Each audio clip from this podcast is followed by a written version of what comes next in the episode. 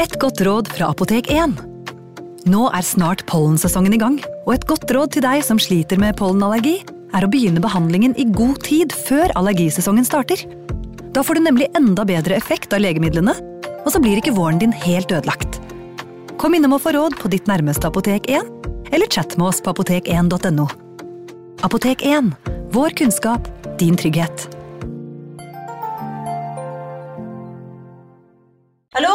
Jeg kommer fra Oslo politikammer. Ine Jansen er purk. Er du purk? The motherfucking bitch. Alt jeg vil, er å finne ut hva som skjedde med mannen min. Jon Carew. Er jeg sikta for noe? Iben Akeli. Det er du. Ole So, Lars Berrum og Big Daddy Karsten. Hvem sin side er du på, egentlig? Anette Hoff, Tone Danielsen, Kommer du fra Afrika? Jørnis Josef, Nesten kløfta. Trond Espen Seim, Det er synd å si det, men det var feil mann som døde. Purk. Premiere tirsdag på TV2 Play. Hei! Takk for at du lytter til True Crime Podden dokumentar. Skulle du ønske at du kunne høre en ny episode av denne podkasten hver eneste uke? Vel, da er det bare å laste ned podkastappen Untold med en gang. I tillegg til ukentlige episoder av podkaster som Skrekkpodden, Synderne og True Crime Podden, får du masse annet reklamefritt og eksklusivt innhold. Last ned Untold i AppStore eller Google Play, og start din 30 dagers prøveperiode i dag. Thank you.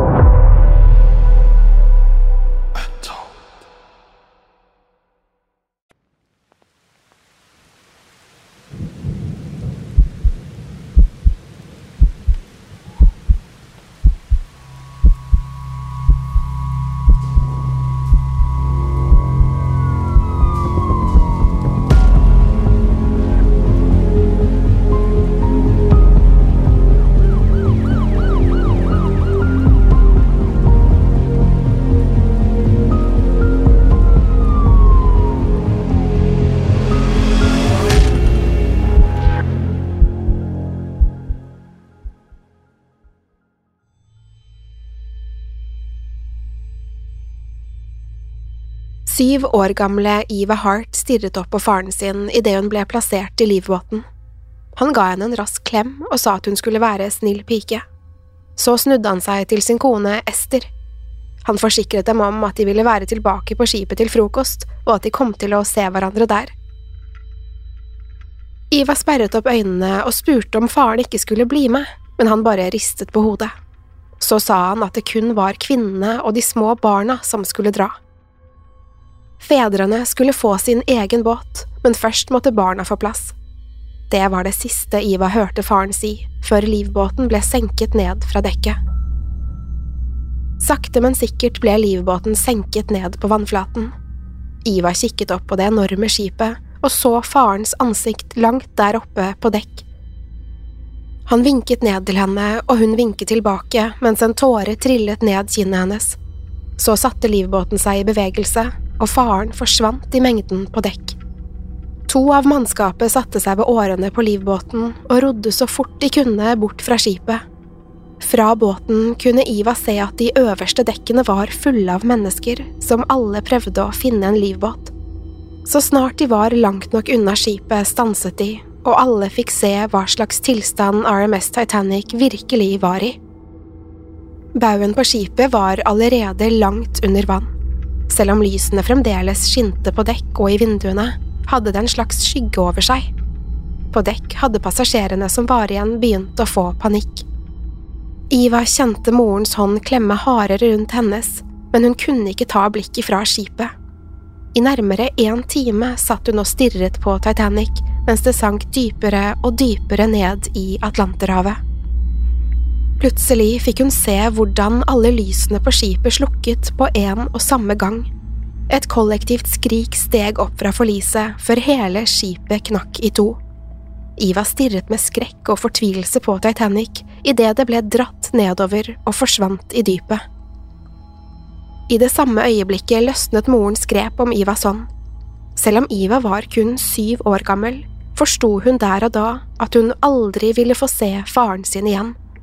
Han var blitt en av de 1500 som skulle miste livet i verdens mest beryktede skipsulykke. Etter at den amerikanske Wall Street-magnaten John Pierpont Morgan hadde bestemt seg for å ta monopol på sjøfartsturismen, begynte kappløpet om å bli størst og best. Morgan kjøpte opp en rekke små rederier, samt en av Storbritannias største aktører, White Star Line. Dermed var han klar for å ta opp kampen med sin største rival i bransjen, Cunard Line. Begge rederiene tilbød luksusreiser over Atlanteren, men også billigere alternativer for immigranter. Det var den perfekte forretningsmodellen. Pengene strømmet inn, og avisene skrev store oppslag om de flotte passasjerskipene. Da Cunard Line lanserte sine to nyeste modeller, RMS Lusitania og RMS Mauritania i 1906, ble de sagt å være raskest i verden. Ifølge rapporter kunne de holde en toppfart på over 50 km i timen. Mye raskere enn noe annet skip. JP Morgan og White Star Line var nødt til å komme med sitt svar, og det fort, om de ikke skulle utkonkurreres. Om White Star Line ikke kunne måle seg med rivalenes fart, så ville de iallfall slå dem på størrelse, luksus og komfort. Dermed var planene for White Star Lines nye Olympic-serie av passasjerskip i gang. Skipsverftet Harlan og Wolff gikk straks i gang med byggingen, men skulle snart støte på problemer. På grunn av det stramme budsjettet satt av Morgan, ble de nødt til å ofre noe i byggingen. Investorene ville ikke at det skulle gå utover størrelsen eller luksusen, for det var jo hele poenget med de nye skipene. Dermed ble det nødt til å gå på bekostning av sikkerheten om bord. Stålblandingen til skipenes skrog ble tynnet ut med svovelsyre og luft, som gjorde konstruksjonen mer porøs. Likevel sørget det for at stålet ble mer tøyelig i produksjonen og rakk lenger. I tillegg ble antall livbåter redusert fra 48 til 20 for å spare penger. Dette var ikke nok til å dekke de totalt 3400 menneskene som fikk plass om bord. Det spilte heller ingen rolle. Ifølge White Star Line var de nye skipene nemlig usynkelige. I 1912 sto White Star Lines nye kronjuveler klare. Verden skulle endelig få oppleve de majestetiske skipene RMS Olympic og søsterskipet RMS Titanic. Olympic skulle være i drift i nærmere ett år før rederiet var klare til å lansere Titanic. På den tiden hadde Olympic kun opplevd mindre ulykker under kommando av kaptein Edward Smith. Nå var det også han som skulle være kaptein på Titanic. I april 1912 var det endelig Titanics tur til å dra ut på sin første kryssing over Atlanteren. Verdens største og mest luksuriøse passasjerskip var sjøsatt og klar for å ta imot passasjerer. Da Titanic kjørte ut fra havnen i Southampton 10. april, var skipet fylt med noen av de mest innflytelsesrike menneskene i Vesten. Millionærer, forretningsmenn og deres koner og barn pakket ut sakene sine på suitene på første klasse. Selv om det var flest passasjerer på andre og tredje klasse, var det førsteklassepassasjerene som var i fokus. Blant dem var skipets aller rikeste passasjer, forretningsmannen John Jacob Astor den fjerde. Han reiste med sin unge kone Madeline. Etter å ha vært på bryllupsreise i Europa, var de nå på vei til Amerika i en fei, for Madeline ventet barn. Aster var fast bestemt på å komme hjem så fort som mulig, slik at barnet ble født på amerikansk jord. Så snart de var hjemme, skulle han nemlig skrive barnet inn i testamentet sitt. Andre passasjerer på første klasse var blant annet forretningsmannen Benjamin Guggenheim, journalisten Jacques Futrell og Isador og Ida Strauss. Isador var deleier i varehuskjeden Macy's og var på vei hjem fra ferie i Europa. En som likevel skulle huskes spesielt godt i ettertid som en av de viktigste passasjerene, var Margaret Molly Brown. Molly var datter av irske immigranter og hadde ikke vokst opp i noen form for velstand. Da hun ble voksen, planla hun å gifte seg inn i en rik familie, slik at hun kunne forsørge foreldrene. Det var likevel en helt annen som fanget Mollys interesse. Gruvearbeideren James Joseph Brown var virkelig ingen rik mann, men Molly elsket ham. Derfor hadde de giftet seg i 1886. Skjebnen skulle likevel smile til Molly og James.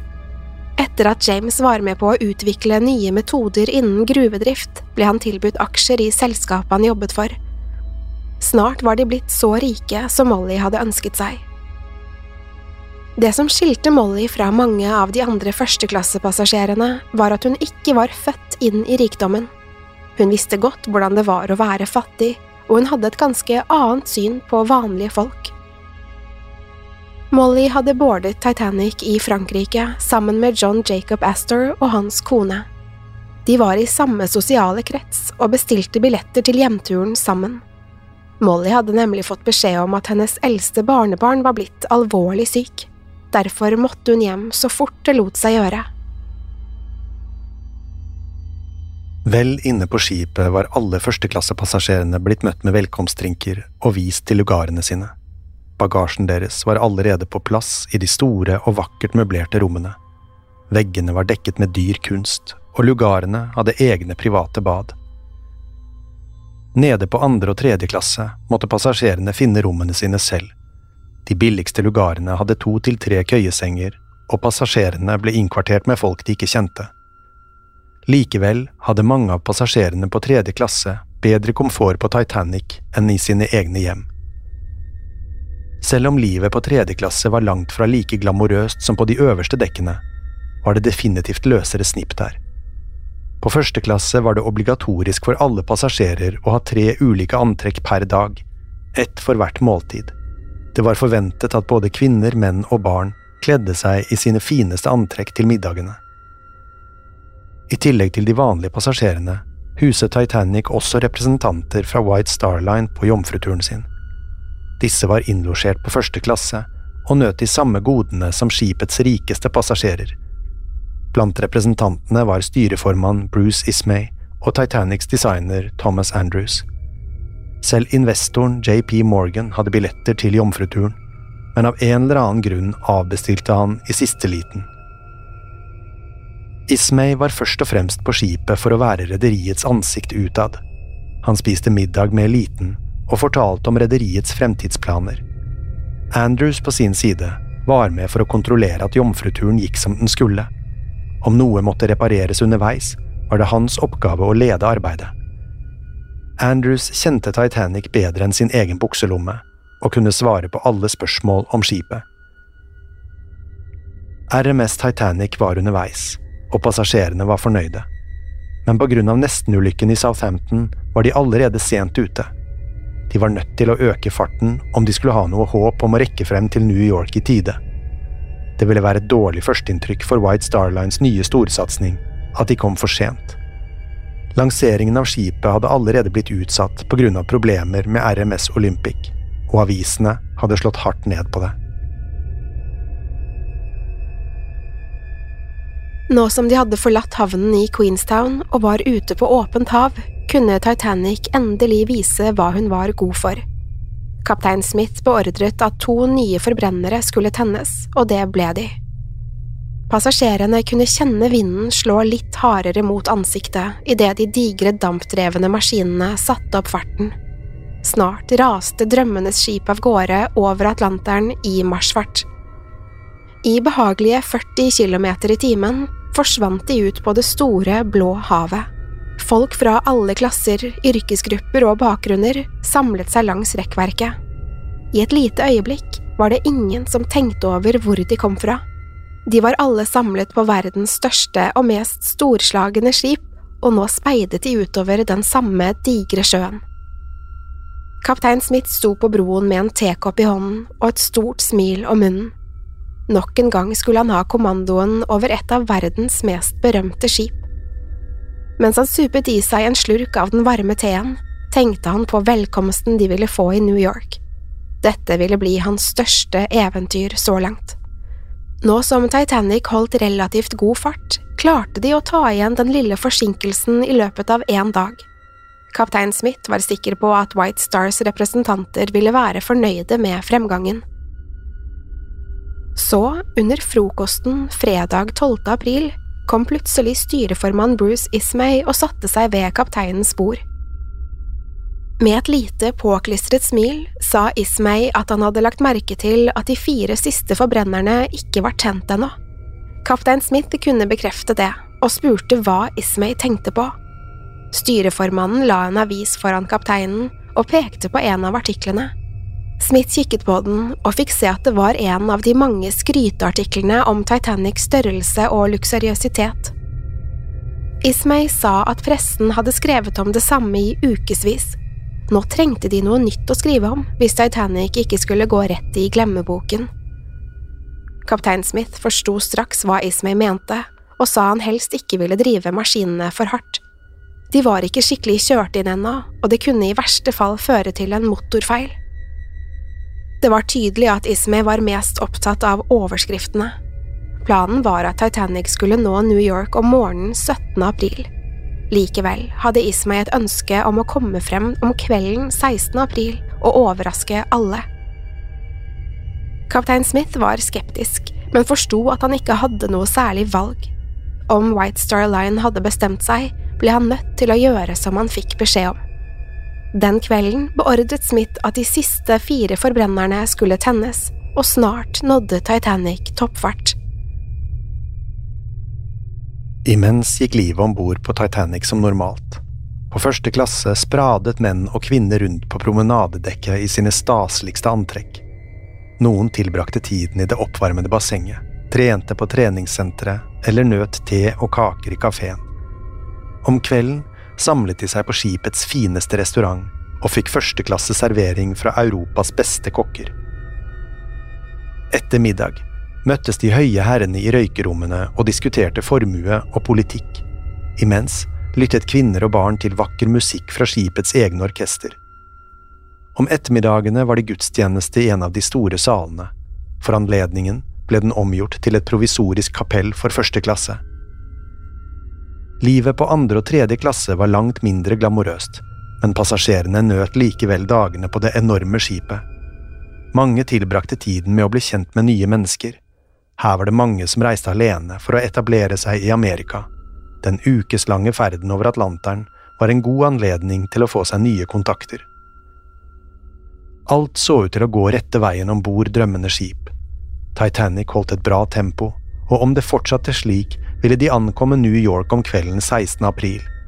Så om ettermiddagen den 14. april mottok kaptein Smith et telegram. Det var fra et annet skip i området, som meldte om store mengder drivis og to isfjell langs ruten. Like etterpå fikk teleoperatørene en ny beskjed fra skipet SS Californian. De rapporterte at de sto fast utenfor Newfoundlandsbankene, omringet av is. Til tross for advarslene valgte kaptein Smith å fortsette i full hastighet. Det var slett ikke uvanlig med store ansamlinger av is på den tiden av året. Dessuten mente han at det ikke var noen grunn til bekymring. Et skip som Titanic ville aldri ha noen problemer i møte med is. Moderne skipsbygging var kommet for langt for det. Derfor ble det bestemt at Titanic skulle fortsette på den planlagte ruten.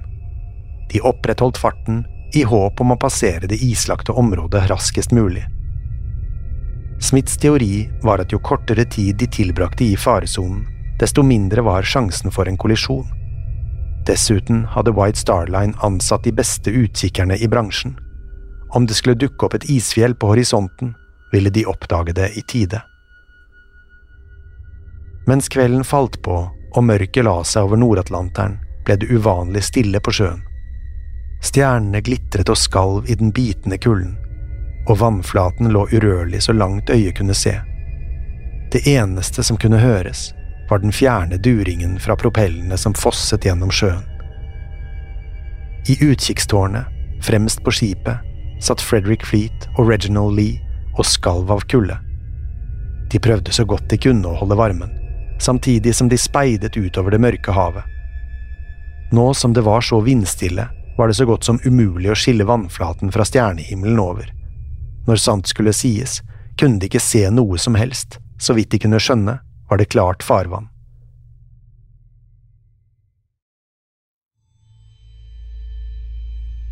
Klokken nærmet seg kvart på tolv, og Fleet og Lee hadde blitt stille i utsiktstårnet.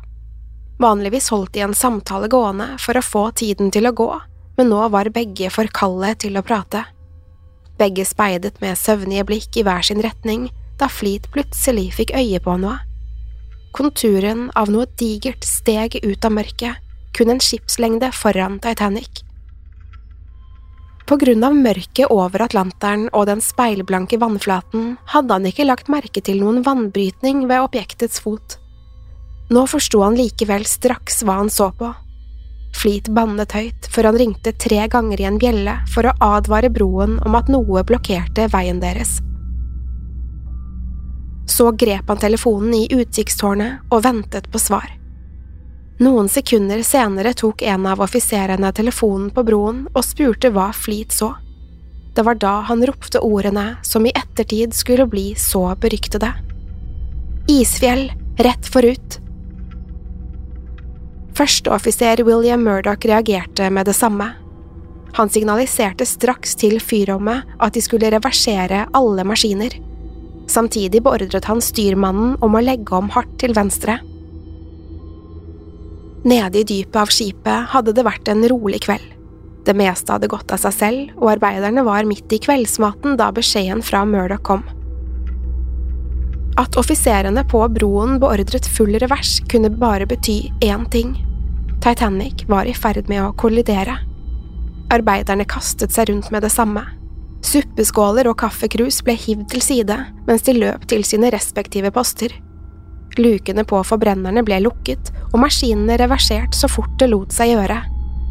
Likevel ville det ta flere minutter før det digre skipet skiftet retning. Mens det kokte nede i maskinrommet, var det dødsen stille på broen. Murdoch forsikret seg om at roret var hardt over til venstre før han løp ut til rekkverket. Der ble han stående og stirre på det digre isfjellet som stadig nærmet seg.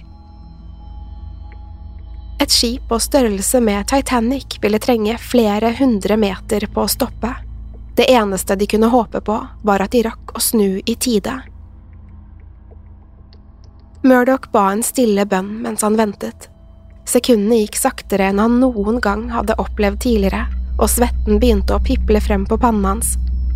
Selv i den intense kulden kunne han kjenne hvordan han ble varm over hele kroppen. Så begynte plutselig Titanic å snu sakte, men sikkert til venstre. Kun noen få meter fra isfjellet skjenet den enorme baugen på skipet, og fra broen kunne det se ut som de hadde klart det. Jo nærmere de kom, desto mer svingte Titanic unna den digre blokaden.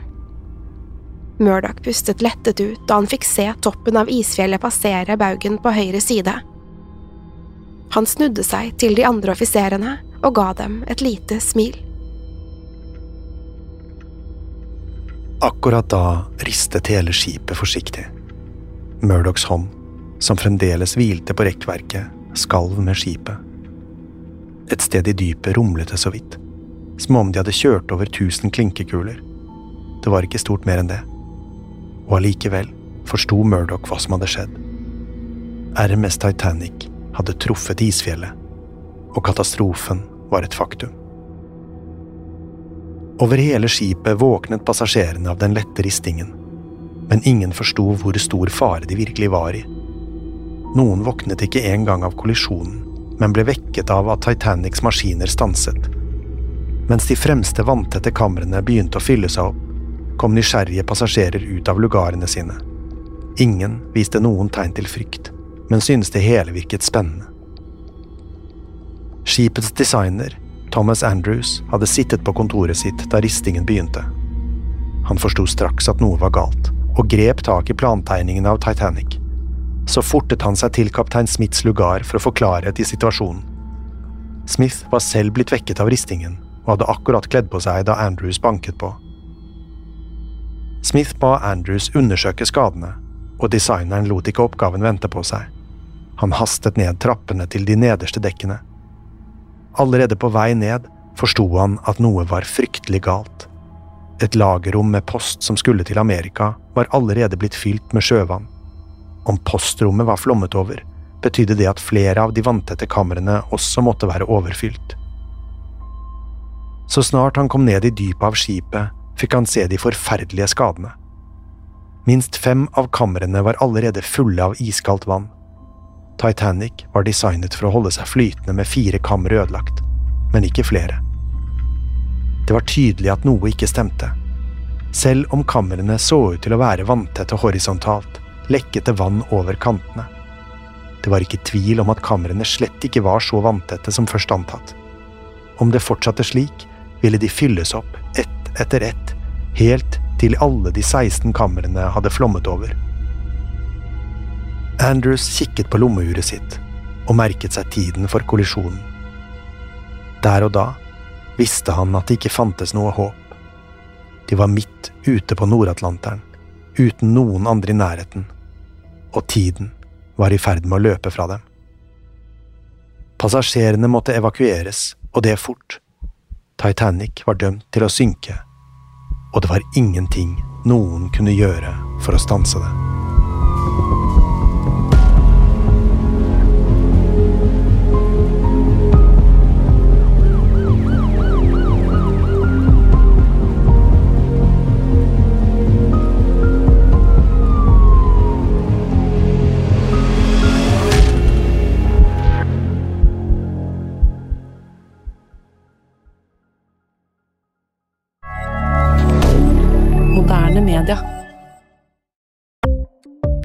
Ukens annonsør er Folio, en smartere banktjeneste for deg som har en egen bedrift eller ønsker å starte for deg selv.